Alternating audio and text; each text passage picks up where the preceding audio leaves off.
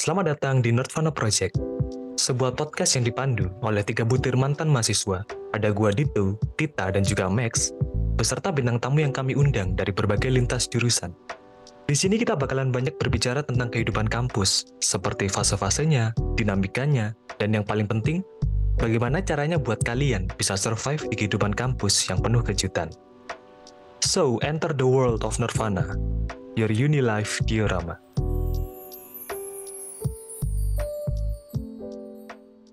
Halo para pendengar Nirvana, kembali lagi nih di Nirvana Project.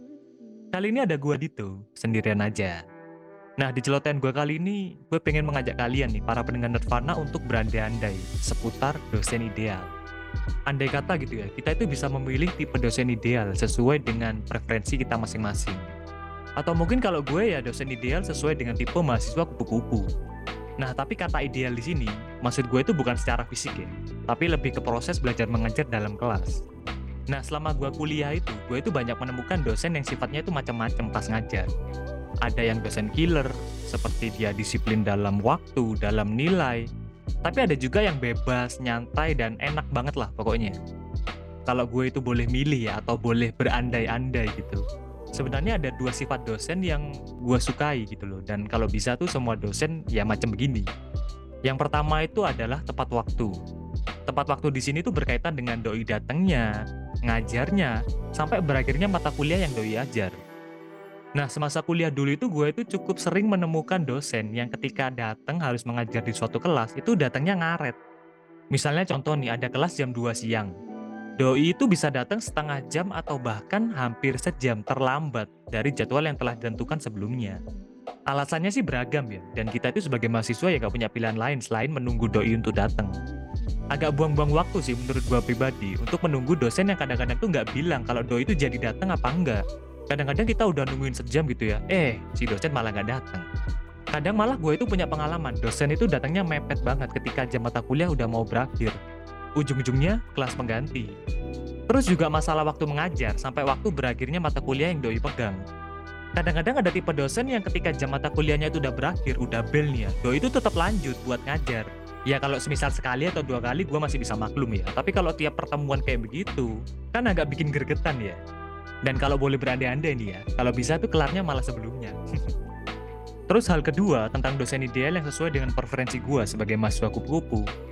Kalau bisa dosen itu banyak kasih tugas yang online atau take home aja.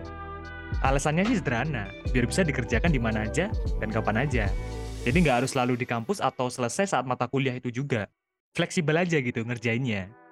Nah tapi masalahnya nih ya, sepengalaman gue kuliah dulu, gue itu jarang menemukan dosen yang punya kedua hal begini yang tepat waktu, dan juga banyak kasih tugas yang online atau take home. Biasanya sih, dominan di salah satunya aja. Entah dosennya yang tepat waktu banget, tapi kebanyakan dia ngasih tugas itu offline atau harus dikerjakan saat itu juga ketika beliau mengajar di dalam kelasnya. Atau mungkin justru sebaliknya. Doi itu datangnya ngaret, ngajarnya lama, bahkan ketika jam mata kuliah itu udah berakhir, Doi itu masih lanjut ngajar. Tapi enaknya, tugas yang Doi kasih itu selalu online atau take home.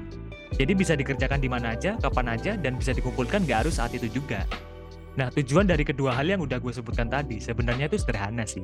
Supaya kita sebagai mahasiswa kupu-kupu itu bisa balik cepet. Alhasil, kita bisa istirahat atau nyicil tugas atau kerjaan lainnya. Tapi ya, namanya berandai-andai itu kan bebas ya kan? Syukur-syukur kalau ada dosen yang punya kriteria yang gue sebutkan di awal tadi. Akhir kata terima kasih sudah mau mendengarkan kehaluan gue ini seputar dosen ideal kalau-kalau nih ya gue itu bisa milih dosen ideal sesuai dengan kriteria tipe mahasiswa kupu-kupu. Tenang aja, pembahasan dosen ideal ini nggak akan berhenti di gue aja.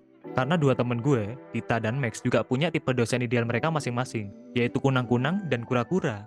Jadi tungguin aja celotehan mereka berdua di episode Nirvana berikutnya. Bye!